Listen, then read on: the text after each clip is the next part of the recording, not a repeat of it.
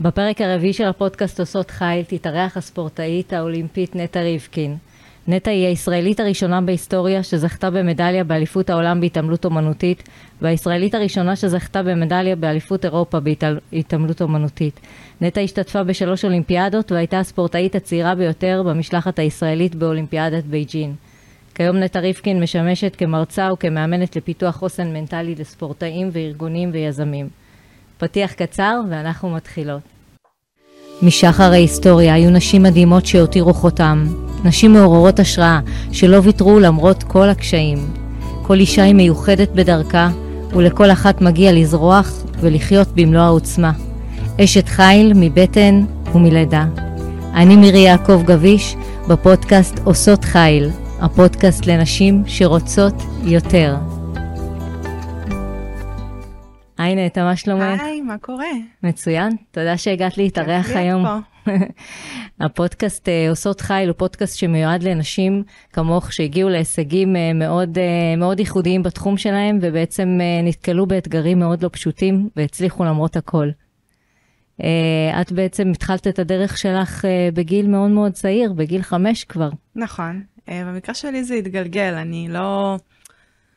לא הספקתי לבחור את המקצוע, כן איפה שאפשר להגיד שהמקצוע בחר אותי, אני כן חושבת שבסוף יש פה גם את העניין של המוכנות ושל הרבה מאוד דברים שגרמו לדבר הזה להתגבש לכדי שנהייתי ספורטאית, שבהתחלה זה היה מאוד חובבני, ואחר כך התגלגל להיות כבר משהו הרבה יותר מקצועי ומשהו עם הרבה ויתורים ו...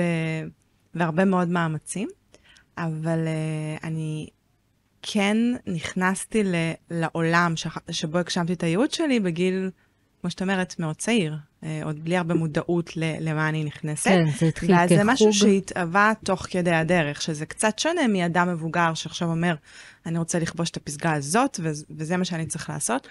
אני ממש הרגשתי את ההתהוות, אה, גם של הרצון שלי להיות הכי טובה, תוך כדי, כי... כשהגעתי לענף ההתעמלות בגיל חמש, אז לא היה לי איזה עניין להיות הכי טובה בעולם. זה לא משהו שהיה שם, זה לא מה שהניע אותי, הניע אותי פשוט מה שהרגשתי באולם, התשוקה, ההנאה, הכיף, החברות, כמו כל ילדה בגיל חמש. כן. וככל שעברו השנים, אז גם אני גיבשתי איזושהי זהות ואיזשהו רצון אה, באמת להביא את זה לפסגה, לשבור שיאים, לפרוץ דרכים, זאת אומרת, לעשות את זה בגדול. מתי, מתי הרגשת ש, שזה מה שאת רוצה לעשות ואת הולכת עם זה ככה בכל הכוח? באיזה גיל בערך זה היה? את זוכרת? תראה, אני חושבת שמהרגע שנכנסתי לתחום הזה, גם בשנים הראשונות שהתאמנתי פעמיים בשבוע 45 דקות, היה שם איזה קליק, אוקיי? זאת אומרת, ישר הרגשתי שמעין מצאתי את הבית, וזה היה הרבה לפני שעוד בכלל התחלתי להביא הישגים. אם אפשר לקרוא לנקודה מסוימת כאחת שאת יודעת, ככה הצהרתי החוצה שזה מה שאני הולכת לעשות ואני הולכת להקריב הרבה דברים, אני חושבת שזה היה בסביבות גיל 12, שככה, אני זוכרת שממש עצרתי את עצמי והחלטתי שאני הולכת עם זה עד הסוף, בכל מחיר, בכל דבר שאני אצטרך להקריב, ואני רוצה להיות הכי טובה בעולם בדבר הזה, לא משנה מה זה יצריך ממני. תשמעי, לא הייתי גם בטוחה, אז בגיל 12 לא הייתי בטוחה שאני אצליח, הייתי בטוחה שאני מאוד רוצה את זה. וזה מה שהניע אותי ונתן לי את הכוח. אני היום בהסתכלות לאחור, אה, באמת מניסיון, מבינה כמה המקום הזה של ללכת ולעשות משהו שאנחנו אוהבים ורוצים ולא רק צריכים, הוא באמת נותן לנו איזשהו כלי, כלי חוסן מאוד גדול להתמודד עם כל מיני אתגרים ומשברים בדרך. כי מה שמחזיק אותנו זה בדרך כלל הפן הרגשי. כשאנחנו עושים ואנחנו לא מבינים בשביל מה, מאוד מאוד קשה להחזיק שם לאורך זמן. ואני מאוד מאוד ראיתי את זה על הקריירה שלי. זאת אומרת, היא גם הייתה מאוד ארוכה ביחס לשנים של מתעמלת כן. אמנותית, ועצם העובדה שהייתי מאוד מחוברת ומאוד קשורה ומאוד אוהבת את זה, גם בתקופות שלא הלך, והיו לא מעט כאלה, אז כמובן שלא היה לי נעים שלא הולך לי, אבל אני עדיין אהבתי את הענף. ועדיין לא באמת חשבתי להוציא אותו מחיי. וזה כוח מניע מאוד גדול, המקום הזה של התשוקה, של מה אנחנו מרגישים ביחס למה שאנחנו עושים, עוד לפני שהגענו לתוצאה הרצויה.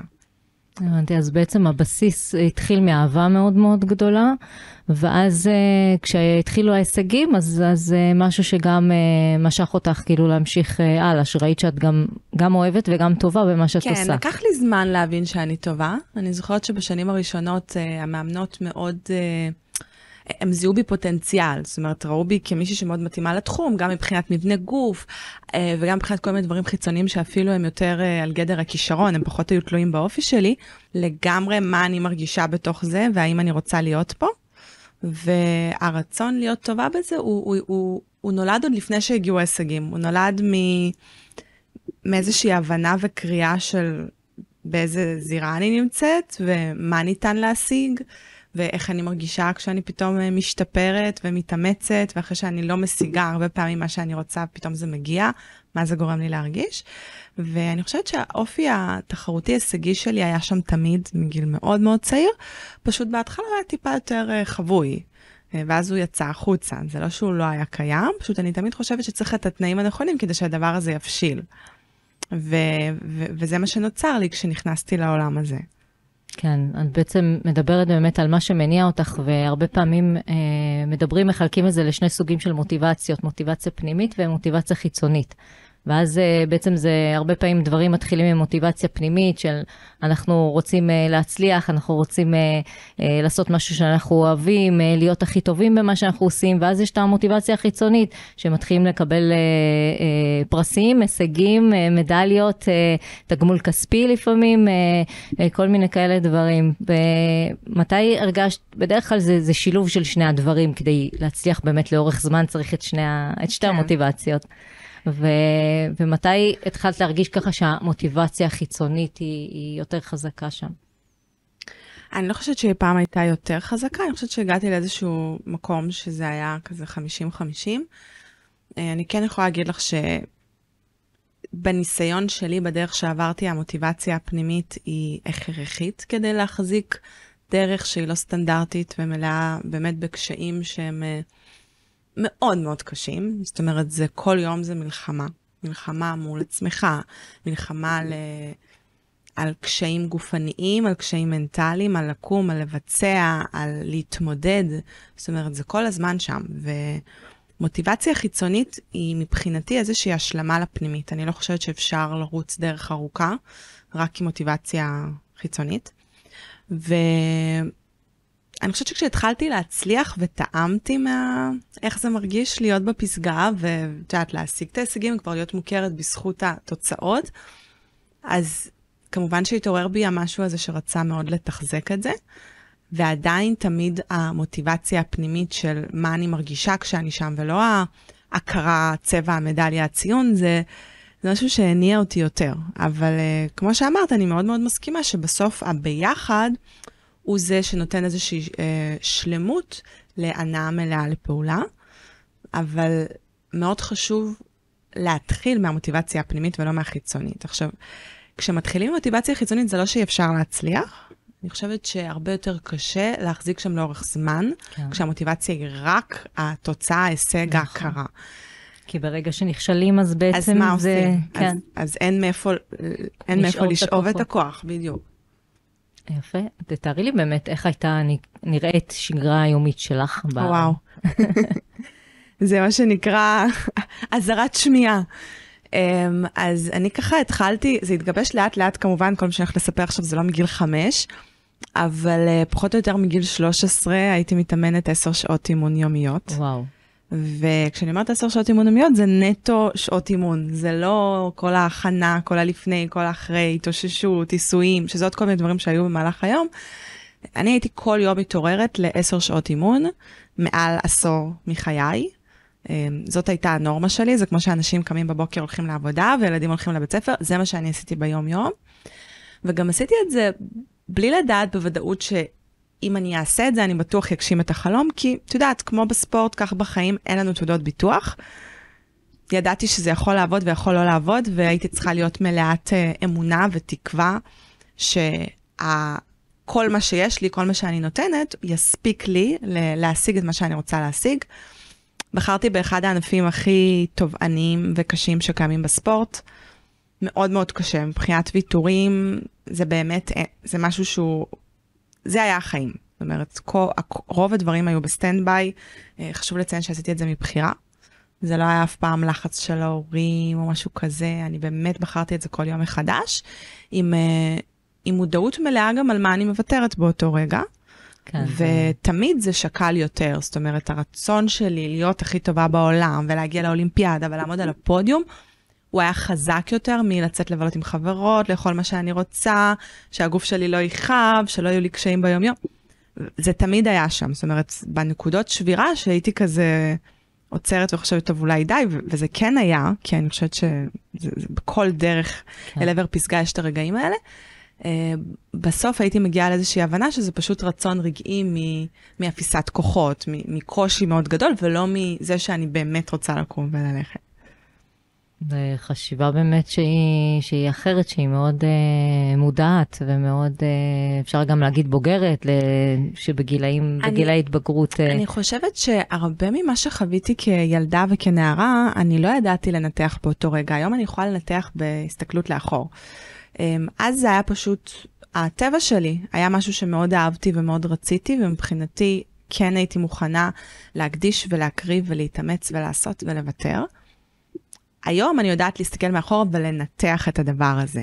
אז זה בא פחות ממקום מודע, זה פשוט uh, היה איזשהו יצר כזה של אני מאוד אוהבת את זה, אני רוצה להיות הכי טובה בזה, ואני כל כולי התגייסתי עם כל המשאבים שהיו כן, ברשותי, כדי להצליח כן. בדבר הזה. זה משהו שאני אמרתי לעצמי יום-יום, אין לי אחריות של 100% על התוצאה הסופית, יש לי אחריות של 100% אז מה אני עושה בשביל לנסות להשיג את התוצאה, ואמרתי לעצמי יום-יום, אני רוצה להיות עם מצפון נקי, אה, גם אם בסוף אני לא אצליח, שאני נתתי את הכל. שעשיתי שלא, הכי טוב שאני יכולה. שהמצפון נקי, שלא היה איזה רגע שהגלתי בו פינה, או הרגשתי שאני יכולה יותר, והאמנתי שזה יספיק לי. באמת באמת האמנתי את זה באמונה שלמה. לא הרגשת אז שאת מקריבה המון ומשלמת מחירים אה, מאוד כבדים, או שזה רק הגיע בדיעבד? אני לא באמת הכרתי ילדות אחרת. חשוב לזכור שאני גדלתי לתוך זה. זה לא שחוויתי ילדות רגילה, ואז חוויתי את זה, ואז אמרתי, אוקיי, מה קורה פה? אני גדלתי לתוך הדבר הזה, ואת יודעת, המקום הזה של לא טעמתי את הפרי האסור, אז גם היה לי כנראה יותר קל להתמודד עם זה.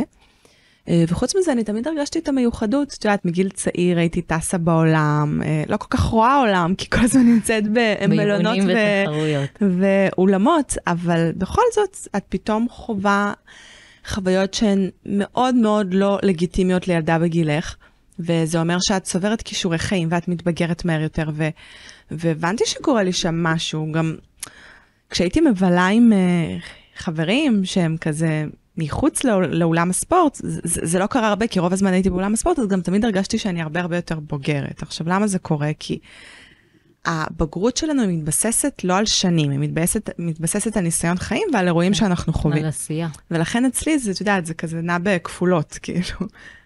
תמיד הרגשתי את זה. כן, העשייה שלך הייתה הרבה הרבה מעבר לבנות אה, וילדים בגילך. אה, ו... יחד עם זאת, שאת מסתכלת על זה היום אחורה, אה, היית, היית עושה את זה שוב, או שאת מרגישה ש, שזה, שזה היה יותר מדי? הייתי עושה את זה שוב, אה, אבל אני חושבת שמאוד מאוד חשוב, את יודעת, זאת שאלה שאני נשאלת הרבה, ואני תמיד אה, מעמיקה וחושבת עליה כל פעם מזווית קצת אחרת. כשאני התחלתי, כשאני נכנסתי לאולם ההתעמלות בגיל חמש, מבחינתי זה היה עוד חוג. אף אחד לא הושיב אותי על ספסל ואמר, תקשיבי, אה, אם תתקדמי למקום של ספורט הישגי, ככה זה הולך להיראות. ואולי אם היו אומרים לי בגיל חמש שהלכתי להתאמן עשר שעות במשך עשור מחיי, אולי הייתי בורחת באותו יום. אבל עצם העובדה שהדבר הזה הוא, הוא התגבש לאט לאט, זאת אומרת, אני לא זוכרת איזה רגע שפתאום נהייתי ספורטאית הישגית, אני זוכרת איזשהו רגע שפתאום אני מבינה שיש לי מדינה שלמה על הכתפיים, ואני פתאום uh, כבר לא מייצגת רק את עצמי, ויש צוות שלם שעובד איתי ומאמין בי ומשקיע את כל כולו בהצלחה שלי, ו- ואת פתאום מבינה כמה את כבר נכנסת ממש לעומק, והדבר הזה הוא בהתאבות, הוא כל הזמן קורה, אבל uh, כשאני מסתכלת על עצמי היום, אני חושבת ש... אני לגמרי היום חיה את, את הזהות שבניתי בתוך הספורט, בתוך עולם הספורט, ותכף נגיע גם למה שאני עושה היום, אבל כל ההתעסקות בחוסן המנטלי זה משהו שאנחנו, כל אדם צריך אותו כדי uh, להצליח להגיע רחוק יותר, כדי לעמוד במצבי קיצון, כדי לעמוד במצבים שהם יותר מאתגרים. ואני לגמרי הייתי עוברת אותה דרך. אני אגיד שאני לא חושבת שהמסלול שעברתי מתאים לכל אחד, ואני גם לא חושבת שכל אחד יכול לעמוד בדבר הזה. ואני אומרת את זה תמיד, זאת אומרת, אני תמיד מחלקת את, uh, את עולם הספורט לשני חלקים. הרבה פעמים uh, יש הורים שניגשים אליהם ואומרים, נטע, מה את אומרת, האם לשלוח את הילדים לעשות ספורט? אז קודם כל אני תמיד אומרת כן. בגלל שמסגרת ספורטיבית, מבחינתי זה מעין בית ספר לחיים. מקבלים שם כישורי חיים שילד לא, לא יודע לקבל היום בשום מסגרת, לא בבית ספר וגם לא בבית. ולכן קודם כל כן לספורט. ואז כשמגיע השלב הזה שצריך לקבל את ההחלטה, אם הולכים על זה עד הסוף, כן. ואז זה כבר בא, בא לידי ביטוי גם על חשבון בית ספר, וזו באמת החלטה כזאת מאוד משמעותית. אז צריך לשבת ולהחליט ולהבין. אמ, אם זה רצון של ההורים, זה לא יעבוד. ילד צריך לרצות את זה, ילד צריך שזה יבער לו בבטן. אמ, ולכן אני אומרת, קודם כל מסגרת ספורטיבית תמיד כן לכולם, זה עוד לפני המדליות וההישגים והפודיומים. כן. ואחר כך כל אחד כבר מחליט אם הוא רוצה, אם זה המסלול שלו, או שהוא חוזר עם איזשהו סט כישורים שיעזור לו במקומות אחרים. אני יכולה להגיד לך שהרבה מהחברות שלי שפרשו ונשרו הרבה לפניי מעולם ההתעמלות, וגם בכלל לא הגיעו להישגים כלשהם, אני רואה היום את התפקוד שלהם כבר בחוץ במקומות לגמרי אחרים. זה דברים שהם יושבים בתוכך, באישיות שלך, המוסר עבודה, המשמעת. זה מוביל אותך, ולכן ספורט זה קודם כל דבר מבורך. אנשים נוהגים לייחס ספורט רק ל... מה, אבל רק אחד מגיע בסוף, לה... יש רק אלוף אולימפי אחד בסוף, כמה כבר מגיעים לאולימפיאדה? תמיד uh, הורים אומרים כן. לי, בסדר, נטע, אבל כמה כמוך יש?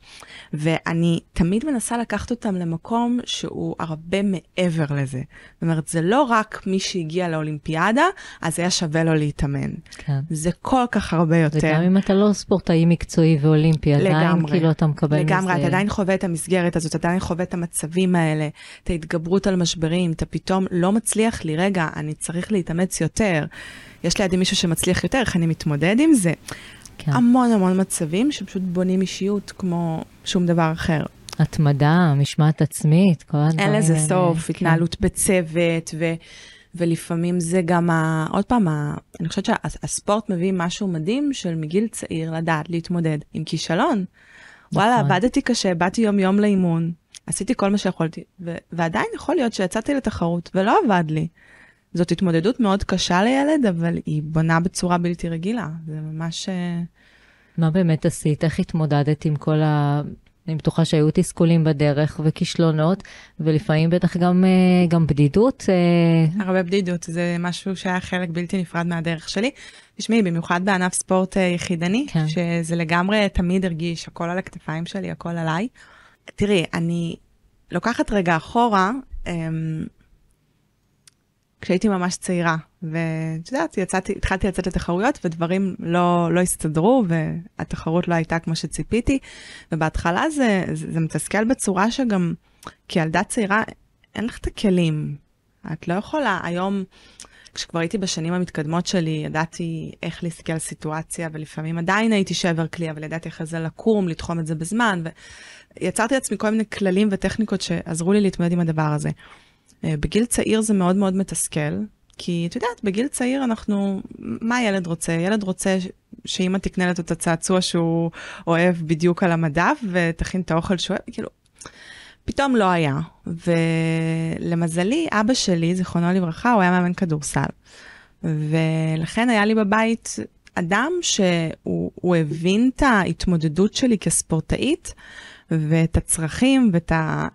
איך לעזור לי ואיך לתמוך ומה להגיד, ואני חושבת שזה משהו שאני מאוד זכיתי בו, שאבא היה אדם שהוא בעצם מילא לי את כל צורכי התמיכה שהייתי צריכה כספורטאית, והוא באמת ידע להגיד לי תמיד את הדבר הנכון, נתן לי את התחושה הנכונה, אבל זה כי היה לו את הניסיון. כן. אה, ואני ממש חושבת שזה המזל שלי ש... שהיה לי אותו בשלבים הראשונים, ואני חושבת שהוא הצליח להנחיל בי את האהבה הזאת לספורט, ש...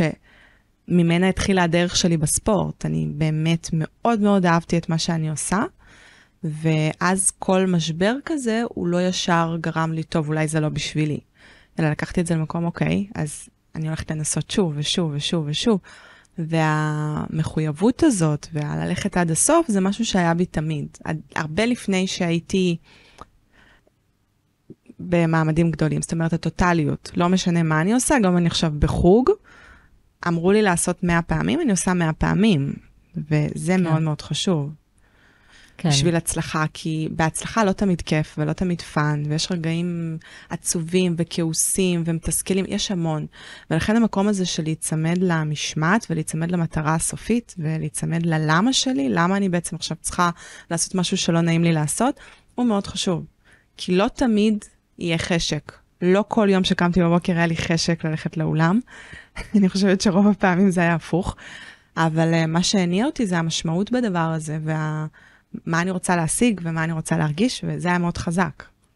כן, את, את קודם כל אבל גם שמחת על האנשים שאת, uh, שליוו אותך, שאימנו אותך. חד משמעית. זה, זה דבר בסיסי, כי אם אנחנו לא סומכים על הבן אדם הזה, אנחנו על כל דבר נערער ונגיד למה צריך לעשות לגמרי. את זה, ולמה צריך לעשות את זה, ומה, למה זה הכרחי.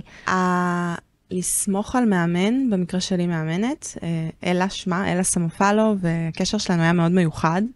אלה ליוותה אותי מתחילת הדרך שלי. היא בעצם זאת שזיהתה אותי איזה יום אחד שבאתי עם אבא לאימון כדורסל. ככה הזמינה אותי לשיעור ניסיון, ומה שנקרא שער היסטוריה.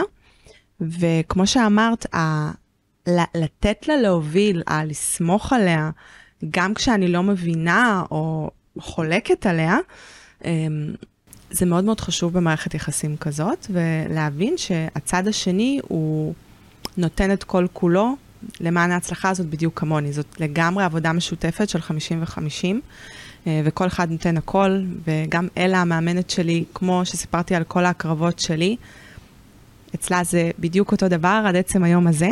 אה, זה ענף מאוד, אה, הוא מאוד סזיפי, הוא מאוד אינטנסיבי, צריך גם מהצד האימוני מהצד של המאמנות, מאוד מאוד לאהוב את זה.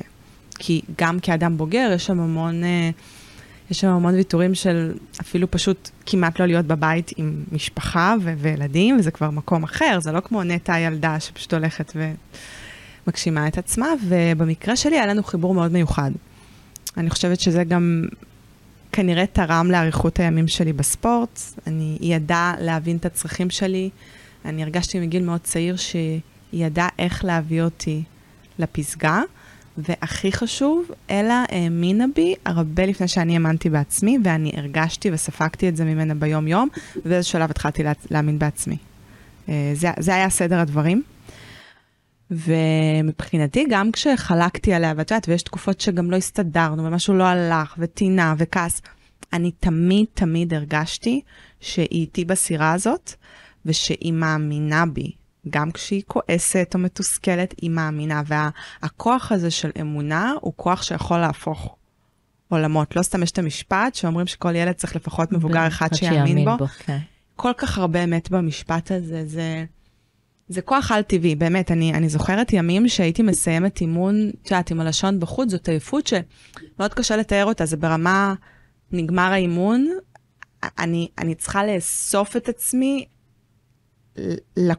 כדי לקום ולגשת לתיק שעומד בסוף העולם. כן. זה כזה. זה גם פיזי אין, וגם לא, לא, מנטלי. אין, אין, כן, אבל מבחינה פיזית, זה, זה באמת הלקום ולגשת לתיק בסוף האימון, זה משהו שהייתי מתכוננת עליו עשר דקות. ואז אלה ידעה הרבה פעמים באיזשהו משפט מאוד מדויק שהיא אומרת לי, לגרום לי, נגיד, לעשות עוד תרגיל, כשאני מבחינתי כבר, אני, אני מנסה להבין איך, אין לי כוח. וזה מחבר אותנו למקום של כמה משמעות וכמה כוח יכול לתת לנו הפן המנטלי. כי הרי שימי לב שאני הייתי עייפה באותו מצב, yeah. אבל כן. מספיק ששמעתי איזשהו משפט מאוד מדויק, פתאום הצלחתי לעשות משהו שאם לא הייתי שומעת את המשפט הזה לא הייתי עושה.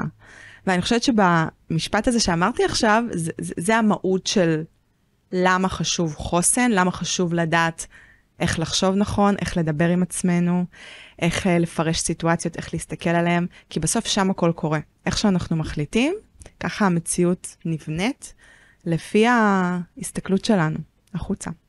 כן, את באמת uh, מדברת הרבה על uh, חוסן מנטלי, וזה בעצם גם משהו שאת, שאת עושה היום. את uh, מתעסקת עם זה גם uh, מול ספורטאים וגם uh, מול uh, בעלי עסקים ו- ויזמים ובכלל.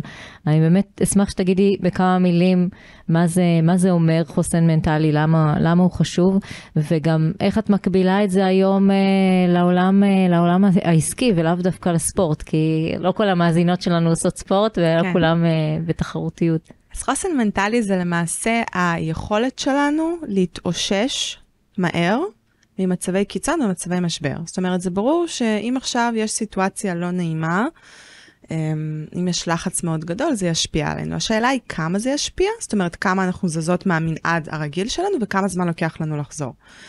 ובסוף החיים שלנו מלאים בסיטואציות כאלה, וככל שאנחנו נדע לתת לדבר הזה פחות להשפיע עלינו, ונדע בעזרת כלים מותאמים לחזור מהר יותר לתלם, זה א', יגרום לשיפור ביצועים, בסוף ברמה, אפרופו דיברנו, התוצאתית, וגם לתחושה של ביטחון, של משמעות, של שלווה, והחוסן מתחלק להמון המון דברים. זה היכולת uh, לדבר עם עצמנו נכון, שזה, את יודעת, זה עולם שלם שאני מלמדת,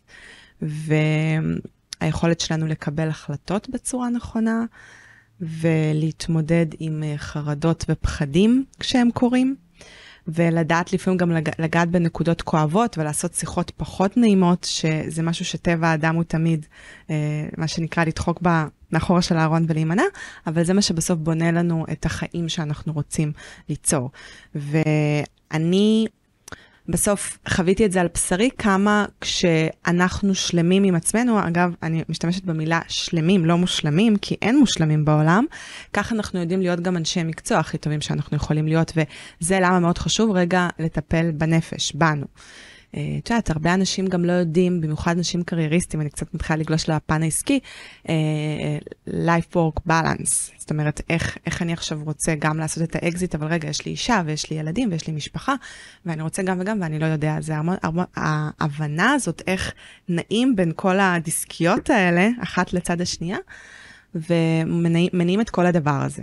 עכשיו, אני, בגלל שחוויתי את זה על בשרי, את המשמעות הזאת של החוסן, אני מבינה שה... הפער הזה הרבה פעמים, זאת אומרת, אני יכולה להיות אשת מקצוע מדהימה, ואם לא יהיה לי מספיק חוסן, אני לא אצליח להגיע לאן שאני אמורה להגיע בפוטנציאל שלי, פשוט כי אין לי את הכלים, ואף פעם לא השקעתי בזה, ולא לא, לא הקדשתי לזה זמן כמו שאני מקדישה ליכולות המקצועיות שלי, וזה מה שאני באה ועושה עם אנשים. כי גם אני גם אוותר במהלך הדרך אם, אם לא... גם אני אוותר, גם הדברים יותר ישפיעו עליה, אז כל דבר פתאום יערער ויוריד ביטחון ויוריד ערך עצמי וחששות וחוסר ודאות. ואני תמיד אומרת ששריר החוסן המנטלי זה כמו שריר פיזי בגוף. ככל שאני אלך יותר לחדר כושר ויותר אתאמן, השריר חזק יותר. אם אני אפסיק להתאמן, הוא, הוא יהיה חלש יותר, ואותו דבר עם חוסן. זאת אומרת, זה לא ש... נגיד הייתי ספורטאית אולימפית, אז uh, טוב, זה ברור שיש לה חוסן. לא, אני צריכה לטפח ולעבוד עליו כל יום, וביום שאני אפסיק, גם אצלי זה יכול להיעלם. וההגבלה בין עולם הספורט לעולם העסקי היא מאוד מאוד מרתקת ומעניינת, כי למעשה, אני יכולה לספר לך שאני התחלתי את ההתעסקות בעולם הזה כמובן מהבית, מעולם הספורט, אה, ודווקא דרך הרבה שיח עם אה, חברים ומכרים משותפים, שהיינו יושבים כזה שיחות, אה, את יודעת, לכיף, סתם הייתי יוצאת, יושבת עם חברים, וכל אחד מספר מה עבר עליו, ופתאום אני, אני התחלתי להבין שהם הם, הם מספרים דברים וקשיים והתמודדויות. שבסוף כשאת מסתכלת פנימה במה בן אדם מרגיש ומה הוא עובר ואיזה תחושות ואיזה רגשות, זה הקבלה ישירה. זאת אומרת, עולם הספורט ההישגי והעולם העסקי ועולם היזמות, יש שם המון המון הקבלה עם מה אדם צריך להתמודד. אם זה שחיקה, אם זה פתאום הנעה לפעולה כשאין לי מוטיבציה, פתאום לחץ של דדליינים, אם זה פתאום uh, התמודדות עם הצלחה מאוד גדולה, שזה גם הרבה פעמים מאוד מפחיד, ואנשים מאבדים את עצמם גם בצד ההוא. וזה פשוט, לקחתי את כל הכלים של, העולם, של האימון המנטלי מעולמות הספורט, ואני פשוט מלבישה את זה היום על העולם העסקי. ואני יכולה להגיד לך שאני מאוד נהנית מהעבודה שם בעולם העסקי, דווקא כי זה מצריך ממני לקחת עולם תוכן אחד ולהלביש אותו על עולם אחר, ויש לי בזה משהו מאוד מאוד מרתק. אה, אני מאוד מאוד אוהבת את זה. ובכללי, כשמסתכלים על הספורט, הספורט לכשעצמו הוא כלי לפיתוח חוסן מנטלי. כי תחשבי על זה, נגיד את מתאמנת, כן. אז כשאת קמה בבוקר, לא תמיד בא לך. יש שם איזשהו מאבק פנימי. נכון. וכשאצלך קורה המאבק הפנימי הזה, את כבר באימון מנטלי, בלי לדעת את זה. זאת אומרת, אנשים שיודעים אה, לסגל את המשמעת ואת ההרגלים של להתאמן, עצם העובדה שהם משמרים את זה, שהם קמים בחמש בבוקר לפני העבודה, או בשש ועושים את זה, זה כבר אימון מנטלי לכשעצמו. ואני יכולה להגיד לך שגם מהלקוחות, מכל האנשים שאני עובדת איתם, זה מדהים לראות כמה כל האנשים שמצליחים, שיושבים בעמדות מפתח, שמנהלים חברות גדולות, הם בסוף, 95% מהם עושים ספורט באופן קבוע, באופן שיטתי, באופן יומיומי, וזה רק מעיד כמה יש קשר בין הדברים, וכמה אחד מזין את השני. כן. זה גם נותן הרבה מאוד אנרגיות, ואז זה... זה נותן המון אנרגיות, וגם ה... השיח הזה שאת מנהלת בבוקר לפני שאת הולכת ל... לאימון, אז זה אותו שיח שאחרי זה את תשתמשי בו כשתהיה לך איזושהי דילמה או אתגר בעבודה. זה אותו שריר, זאת אומרת, זה, זה השריר הזה של צריך, גם אם אני לא רוצה. ופתאום אנחנו מזכירים לעצמנו למה זה טוב ולמען מה אנחנו עושים את זה. והתרגול הזה הוא בסוף הולך ומשמש אותנו גם בפן של הקריירה. כן, אצלי מגיל מאוד קטן אני מאוד אהבתי ספורט ועשיתי בדרך כלל ספורט קבוצתי. אם זה הייתי משחקת uh, כדורסל ואחר כך uh, כדורשת וגם גם בתור uh, אימא בקבוצות של אימהות שיחקתי לא מעט שנים. אני מאוד מאוד אוהבת את זה והרבה פעמים היה לי את ה... אני סובלת מאיזושהי בעיה רפואית בעקבות תאונה שאני עברתי ואני סוחבת את זה כבר יותר מ-20 שנה. אז, אז, אז תמיד המאבק הוא היה הרבה מעבר, כי אוקיי, אני עכשיו אעשה ספורט שאני אוהבת, אבל, אה, אבל יש גם אה, כאב אה, שאני צריכה להתמודד איתו, ו, ומשהו שהוא, שהוא כרוני. אז, אז העבודה המנטלית היא הרבה יותר קשה. היו לי גם מחסומים של שנים היה לי מחסום של אני לא יכולה לרכב על אופניים אה, בגלל אותה בעיה רפואית, אני לא יכולה לשבת, זה כואב לי, זה קשה לי, אין מצב שאני כאילו יכולה, מבחינה פיזית, יש לי, יש לי אישור רופא, כמו שאומרים.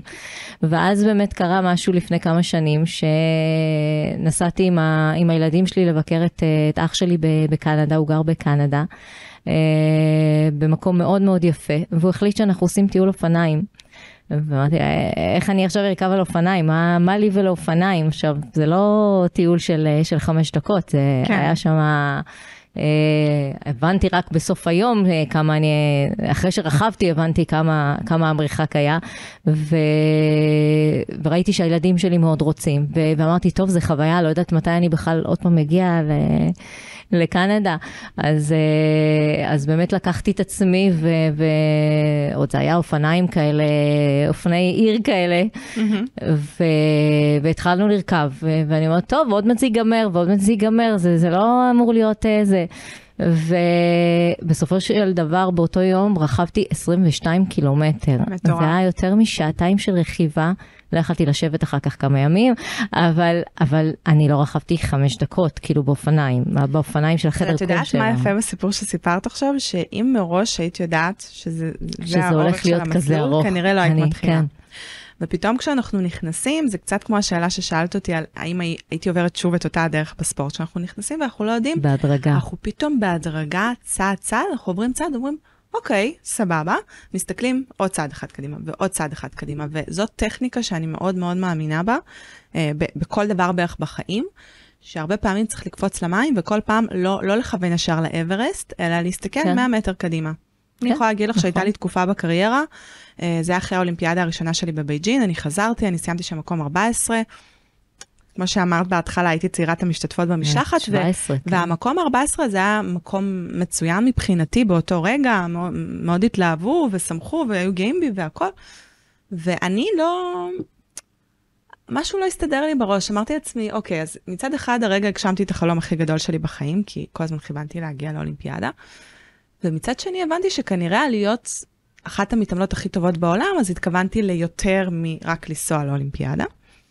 ואני זוכרת שככה אני יושבת בחדר, זה כבר היה כשחזרתי, ואני אומרת, מה, איך אני אסתכל עכשיו ממקום 14 לעבר פודיום?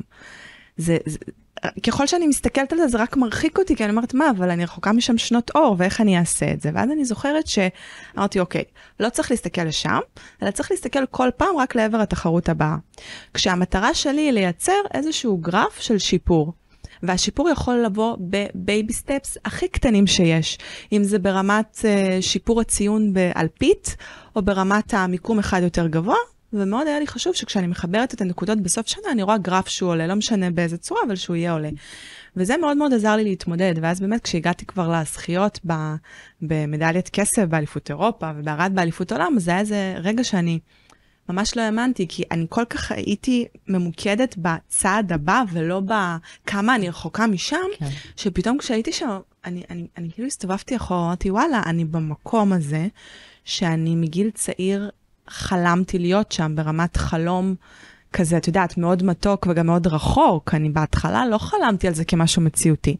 חלמתי על זה כמו, את יודעת, כל ילד אומר, הלוואי ש... אז... ופתאום ההתמקדות בקרוב ולא ברחוק, ההתמקדות בדרך ולא בתוצאה, הביא אותי לשם. פשוט הביא אותי להשיג צעדים, את התוצאה. כן, הצעדים הקטנים הצעדים האלה. הצעדים הקטנים זה, זה, זה ממש כלי ש... אפשר להשיג דרכו הרבה הרבה יותר ממה שאנחנו נשיג אם רק נסתכל קדימה. עכשיו אני רוצה להגיד על זה עוד מילה, אני כן חושבת שצריך לשלב, זאת אומרת אם, אם, אם יש עכשיו למישהו איזשהו חלום גדול, אני בעד ללכת לישון ולפני שעוצמים את העיניים רגע לתאר את הדבר הזה שאנחנו רוצים, אבל זה בלילה, ביום יום להתמקד גם בעשייה שלנו, זאת אומרת גם בדרך, ואם אנחנו מתמקדים במטרות, אז במטרות קטנות. ואז כל פעם הן לאט לאט לאט גדלות, עד שאנחנו מגיעים לדבר הגדול, בדיוק כמו שתיארתי על הדרך שלי בספורט. כן, פשוט לפרק את זה. כאילו לפרק לראות, את, זה לראות את, ה, את היעד הסופי, אבל ללכת אחורה ו- ולפרק אותו לפעולות קטנות. אי אפשר לחיות רק על היעד הרחוק, אנחנו גם כבני אדם צריכים להרגיש תחושת ההצלחה, תחושת הסיפוק. כן, נכון. ואחד מהדברים של אה, להשיג את הניצחונות הקטנים, היא גם, זה איזשהו פידבק, זה כזה, אוקיי, את הולכת בדרך הנכונה, כל הכבוד. ביצעת משימה, תמשיכי הלאה. זה, זה הרעיון, וזה גם משהו מאוד פסיכולוגי, של כן. אנחנו לא יכולים לאורך זמן בלי להרגיש אף תחושת הצלחה, כל בן אדם, נכון. כל בן אדם יפסיק להאמין בעצמו, ובשביל זה צריך גם את הניצחונות הקטנים, כדי לגבש לנו את תחושת הביטחון בעצמנו. וצריך את התגמול הזה כל פעם, לגמרי. לראות ש, שהנה עכשיו עשינו משהו וקיבלנו, כמו ילד קטן שרוצה עכשיו, הוא עשה משהו והוא רוצה לקבל אה, ממתק או לקבל, דבר. אה, כן. לגמרי. אה, מכל הדרך ש, שעשית, גם, גם בספורט ו, וגם היום, את מרגישה, הרגשת באיזשהו שלב שהיית צריכה לעבוד יותר קשה או יותר להוכיח את עצמך בגלל שאת אישה? היה איזה, איזה מקום כזה? תראה, אני אהיה מאוד כנה, אני באה מענף ספורט נשי. אה, אין התעמלות אמנותית לגברים, יש מדינות בעולם שזה קיים, בארץ זה לא קיים, כך שלא לא היה לזה איזושהי מקבילה. Uh, המאמנות נשים, זאת אומרת, אנחנו... כל הסביבה. אנחנו, כל הקולקטיב וכל הצוות, כולה נשים. אז אני הייתי כל כך ממוקדת בעשייה שלי, במה שאני צריכה לעשות, שזה לא היה אצלי שם ב-day to day. אני כן יכולה להגיד לך שאחר כך, כשכבר התקדמתי, אז המקום הזה של ה... פרסום, של uh, השגת נותני חסות, יכול להיות שזה שיחק טיפה תפקיד, נגיד ביחס לספורטאי אחר, כן. שפחות או יותר עם אותם הישגים. אני אומרת את זה בזהירות, כי אני באופן אישי לא הרגשתי את זה באופן חד משמעי, אבל אני חושבת שאני גם באה מענף ספורט מאוד ייחודי בעניין הזה, ולכן זה לא...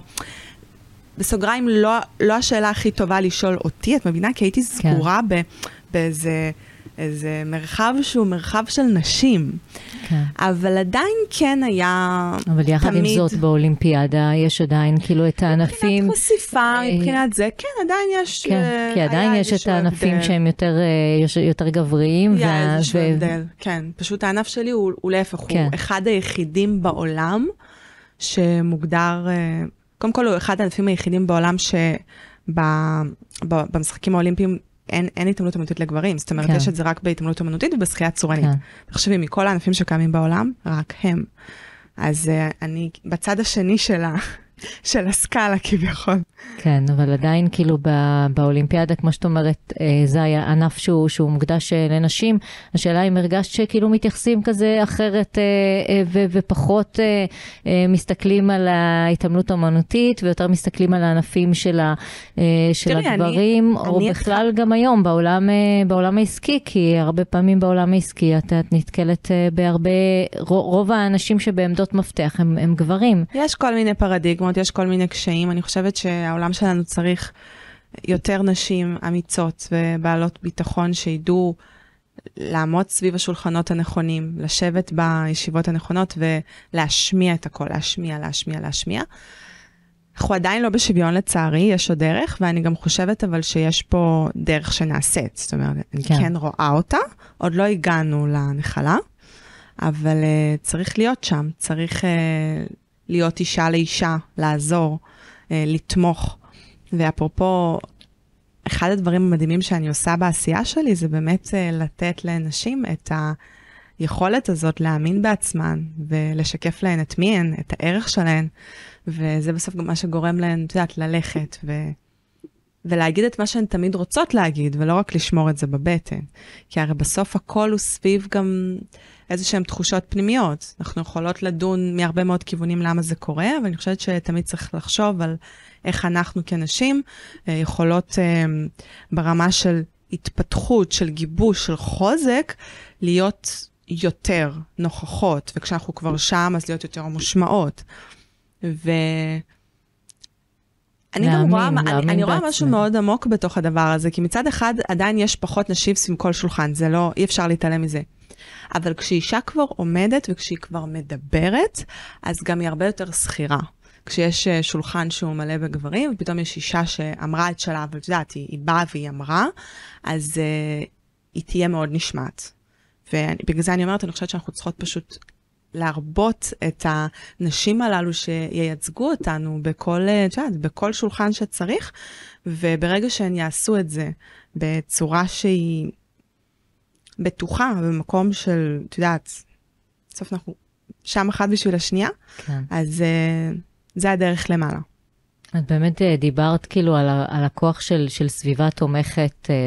גם, אה, גם בהקשר שלך, שכל בן אדם צריך מישהו ש, שיאמין בו, וגם בכלל אה, אה, בסביבה הנשית יש כאילו חשיבות מאוד גדולה ל, ל, לסביבה נשית שהיא, שהיא מעצימה והיא מנצחת. אני מאוד מאמינה בזה. ו, ודיברת גם על, על לעשות בפעולות קטנות.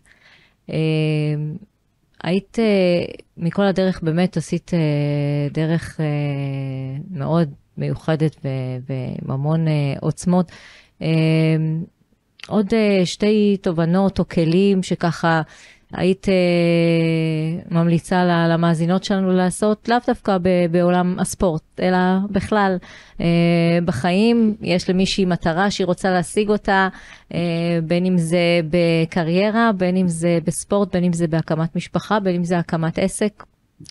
אז קודם כל אני חושבת שמאוד חשוב לא לפחד להציב מטרות. הרבה פעמים אנחנו מפחדות להציב את המטרה, כי ככל שהיא אה, מוגדרת בצורה יותר מדויקת, אז אנחנו גם נדע בוודאות אם לא הצלחנו.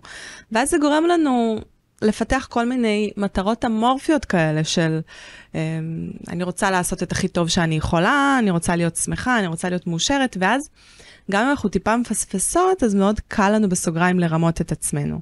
ואני חושבת שמאוד חשוב לא לפחד לשים את המטרות.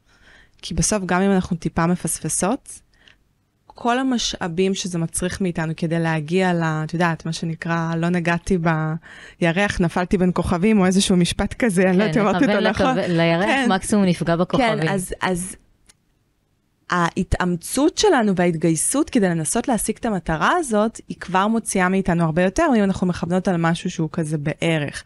וגם אם לא הצלחנו, זה לא אומר שאנחנו לא נצליח אם נמשיך לנסות. ולכן אני חושבת שכל אחת צריכה לדעת בצורה מדויקת מה היא רוצה. כי הלהיות מאושרת שלי ושלך, הוא יכול להיות שונה שנות אור, ויכול להיות שמשהו בתיאור של להיות מאושרת שלך, אצלי הוא בכלל, אני, אני ממש לא רוצה את זה בחיי. ולכן כל אישה וכל אדם צריך לדעת מה הוא רוצה להשיג. כי רוב האנשים שתשאלי אותם מה הם רוצים, נגיד סתם, תתפסי בן אדם ברחוב, תשאלי אותו מה המטרה שלך, הרוב יתחילו, אה, אה הם לא יודעים, הם לא הולכים עם זה בראש. כן. וזה מאוד מאוד חשוב, כי פה, את יודעת, זה כמו שאנחנו משתמשות היום בווייז. אני רוצה להגיע לרחוב מסוים בתל אביב, אני לא אומרת לו, לא, אני רוצה להגיע לתל אביב. הוא יכול לזרוק אותי באלף כן. נקודות שונות שיהיו מאוד רחוקות מלאן שאני רוצה להגיע. המטרות עובדות אותו דבר, ככל שאנחנו יותר מדויקות בניסוח, אז כל כולנו מתגייסות כדי להגשים לעצמנו, כל הראש, כולה, כדי להגשים לעצמנו את הדבר הזה. אז אה, זה דבר מאוד מאוד חשוב שאני ככה למדתי לאורך הדרך. והדבר השני, אני באמת אגע בנקודה שהרגע דיברנו עליה, העניין הזה של הסביבה. אמ, לסביבה יש המון השפעה עלינו, ואחד הדברים החשובים, שאנחנו גם עם הזמן נהיים דומים לאנשים סביבנו. אה, אם זה בקטע טוב, ואם כן, לא, זה קורה. לרע, כן. ומאוד חשוב להקיף את עצמנו בסביבה שהיא תמיד יותר מאיתנו. אה, אני מאוד בעד להרגיש תמיד הזנב לאריות, כי באיזשהו שלב גם משם נהיים הראש לאריות, וככה גדלים. כשאנחנו כל הזמן מרגישות שידנו על העליונה, שאנחנו בסביבה ש... כאילו הכל קטן עלינו ואנחנו חזקות יותר, מבינות יותר, אז אולי זו תחושה מאוד טובה לאגו, אבל זה אזור נוחות, כן. וזה לא מצמיח אותנו לשום מקום. לעומת זאת, להיות תמיד במקום של, וואו, אני רוצה להגיע לשם, נותן לי מוטיבציה, זה משהו שבסוף גורם לנו לגדול בקצב הרבה יותר מהר. אז אה, אלו שני הדברים שלי. זה באמת אומרים uh, שאנחנו הרבה פעמים הופכים להיות הממוצע של החמישה אנשים שאנחנו הכי מסתובבים בדיוק, איתם. בדיוק, אז זה, יש בזה כל כך הרבה מן האמת, זה מאוד מאוד חשוב, כי הרבה פעמים המעגלים uh, בחיינו נוצרים מעצמם, ומאוד חשוב לפעמים לעצור ופשוט לבחון מי האנשים, כמו שאמרת, חמשת האנשים שאני פוגשת הכי הרבה במהלך השבוע. ואולי פתאום, את יודעת, קודם כל עושה לעצמך מודעות, עושה לעצמך שיקוף, אולי אני רוצה לשנות שם משהו. כי אני מושפעת מזה ברמה היומיומית. אמ, את, את באמת, אה, הרבה דברים את, את היית פורצת אה, דרך ו, ומהווה השראה להמון המון נשים, לא רק, ב, לא רק בתחום הספורט. אה, הפכת למודל, אני בטוחה, בעיני רבות. מי, מי היית אומרת שהיה, שהיה המודל שלך כש, כשאת התחלת? או בכלל במהלך וואו. הדרך שאת אמרת, טוב, אני רוצה, אני רוצה להיות כמוה, כי, כי הרבה הישגים, את היית הישראלית הראשונה ש, שהגיעה אליהם. נכון. אני יכולה להגיד לך שאני אדם שמאוד מאוד שואב השראה מהסביבה, ואני יכולה לקחת את זה דווקא מגם דברים מאוד מאוד קטנים. זה יכול להיות אדם שבהצלחה הסופית שלו אולי אפילו הגיע לפחות ממה שהגעתי, אבל אני רואה שבתחום חיים מסוים הוא יכול להוות השראה עבורי, ואני מאוד משתדלת ממש לספוג גם היום, כל מה שמתאים לי כמובן. אני לא גדלתי על איזשהו איידול אחד, לא היה לי את זה, אבל uh, בכל מיני שלבים של החיים הייתה לי איזו דמות כזאת. Uh, אז נגיד, uh, בגלל שאבא שלי בא מעולם הכדורסל, אז הייתי רואה איתו כדורסל מגיל מאוד צעיר, ואני זוכרת שברמה הישראלית, עודד קאטה, שהכדורסלן, אז היה מישהו שככה מאוד הרצתי. ראינו כזה מלא משחקים של מכבי תל אביב, זה היה ממש בשגרה. ואז היה גם את המשחקי NBA, אז שם היה את מייקל ג'ורדן, שאני מאוד זוכרת. זאת בכלל לפני כן. שנחשפתי לעולם ההתעמלות. אה, כשנחשפתי לעולם ההתעמלות, אז אה, הייתה איזה אה, מתעמלת רוסיה, שאז בזמנו הייתה אלופת עולם, אירינה צ'אשינה קראו לה, ואני מאוד מאוד אהבתי אותה, ואני גם חושבת שלימים משהו בסגנון שם היה דומה, כאילו מאוד ראיתי בה איפשהו מה שאני יכולה להיות. ותמיד היו כל מיני אנשים כאלה ש... קיבלתי מהם את ההשראה, אני כן יכולה להגיד לך על עצמי שאני אף פעם לא התיימרתי להיות כמוהם, אלא זה יותר לרמת הלספוג השראה כדי להיות הנטע הכי טובה שאני יכולה להיות. שזה אפשרי, זה כאילו... לגמרי, זה גם פותח את הראש ב, בתפיסה של, אוקיי, אם הם הצליחו אז גם אני יכולה, ואני גם מאוד גאה ומאושרת להיות הדמות הזאת בשביל, בשביל כל הבנות שהגיעו אחריי ב... בעולם ההתעמלות, ובאמת אה, אז בשנה שזכיתי במדליה הראשונה באליפות אירופה ואז באליפות עולם, אז זה בדיוק הדבר שקרה שם, אני ממש הרגשתי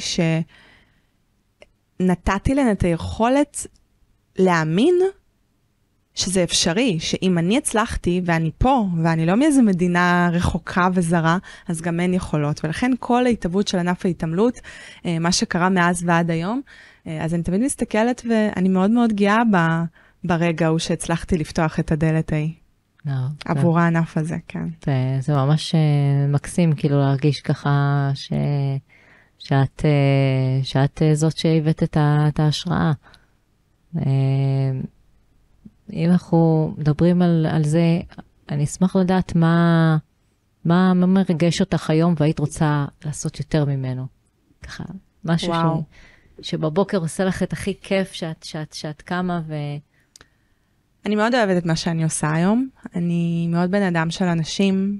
אני אוהבת, אמ, אני אוהבת אנשים, אני אוהבת אנשים מעניינים, אני אוהבת אנשים שונים, שפתאום אה, פותחים לי זוויות חשיבה מאוד מאוד שונות. אה, אני בן אדם שאוהב ריגושים ואוהב אדרנלין, מן הסתם, מה שנקרא, זה משהו שחי איתי כל השנים ואני ממשיכה לאהוב את זה גם היום, גם אם היום זה לפעמים במנעדים קצת יותר, אה, את רגועים, אה, אבל בכל זאת. אה, אני אוהבת להשפיע, אני אוהבת uh, לעזור, אני אוהבת להיות חלק ממשהו שאני רואה ש... את יודעת, היה נקודה X ופתאום בן אדם מגיע לנקודה Y, uh, ולדעת להיות שם בשבילו ולהוביל אותו. ואני אוהבת ספורט תמיד. אני יכולה להגיד לך שכל תחרות ספורט שאני רואה, אה, יש איזה רגע כזה שהוא לפעמים לא בכלל קשור להבקעה של גול, זה, זה משהו שהמצלמה תופסת, אה, והרבה פעמים זה הסוף, זה הזכייה או זה התסכול. אני מאוד חיה את הרגעים האלה, אני יכולה ממש לדמוע, גם אם אני לא אוהדת את הקבוצה, או לא מכירה את הענף ספורט הזה, אלא רק מההזדהות בתחושה ובעוצמה ובדבר הזה. ואני בן אדם מאוד סקרן, אני חושבת שאני כל הזמן כזה באיזושהי שאיפה לגלות עוד דברים ועוד צדדים, בעולם באופן כללי ובעצמי באופן אישי, ועל הדרך לעשות את התהליך הזה גם עם עוד אנשים. ונראה לי שאנחנו בסוף כולנו פה בדרך כזו או אחרת רוצים שיהיה לנו טוב, נכון? פשוט כן. כל אחד מחליט איך זה נראה בפועל על הנייר. ואני מבחינתי בעשייה שלי עוזרת לאנשים להגיע לתחושה הזאת, וזה ממלא אותי בצורה בלתי רגילה. אה, זו באמת, אה, זו באמת מטרה מבורכת אה, לעזור לאנשים. אה, את יודעת, אומרים שאם נעזור אה, למספיק אנשים אה, להשיג את מה שהם רוצים, אז אנחנו נוכל כאילו לקבל את כל מה שאנחנו רוצים ברמה, לאו דווקא ברמה החומרית, אלא...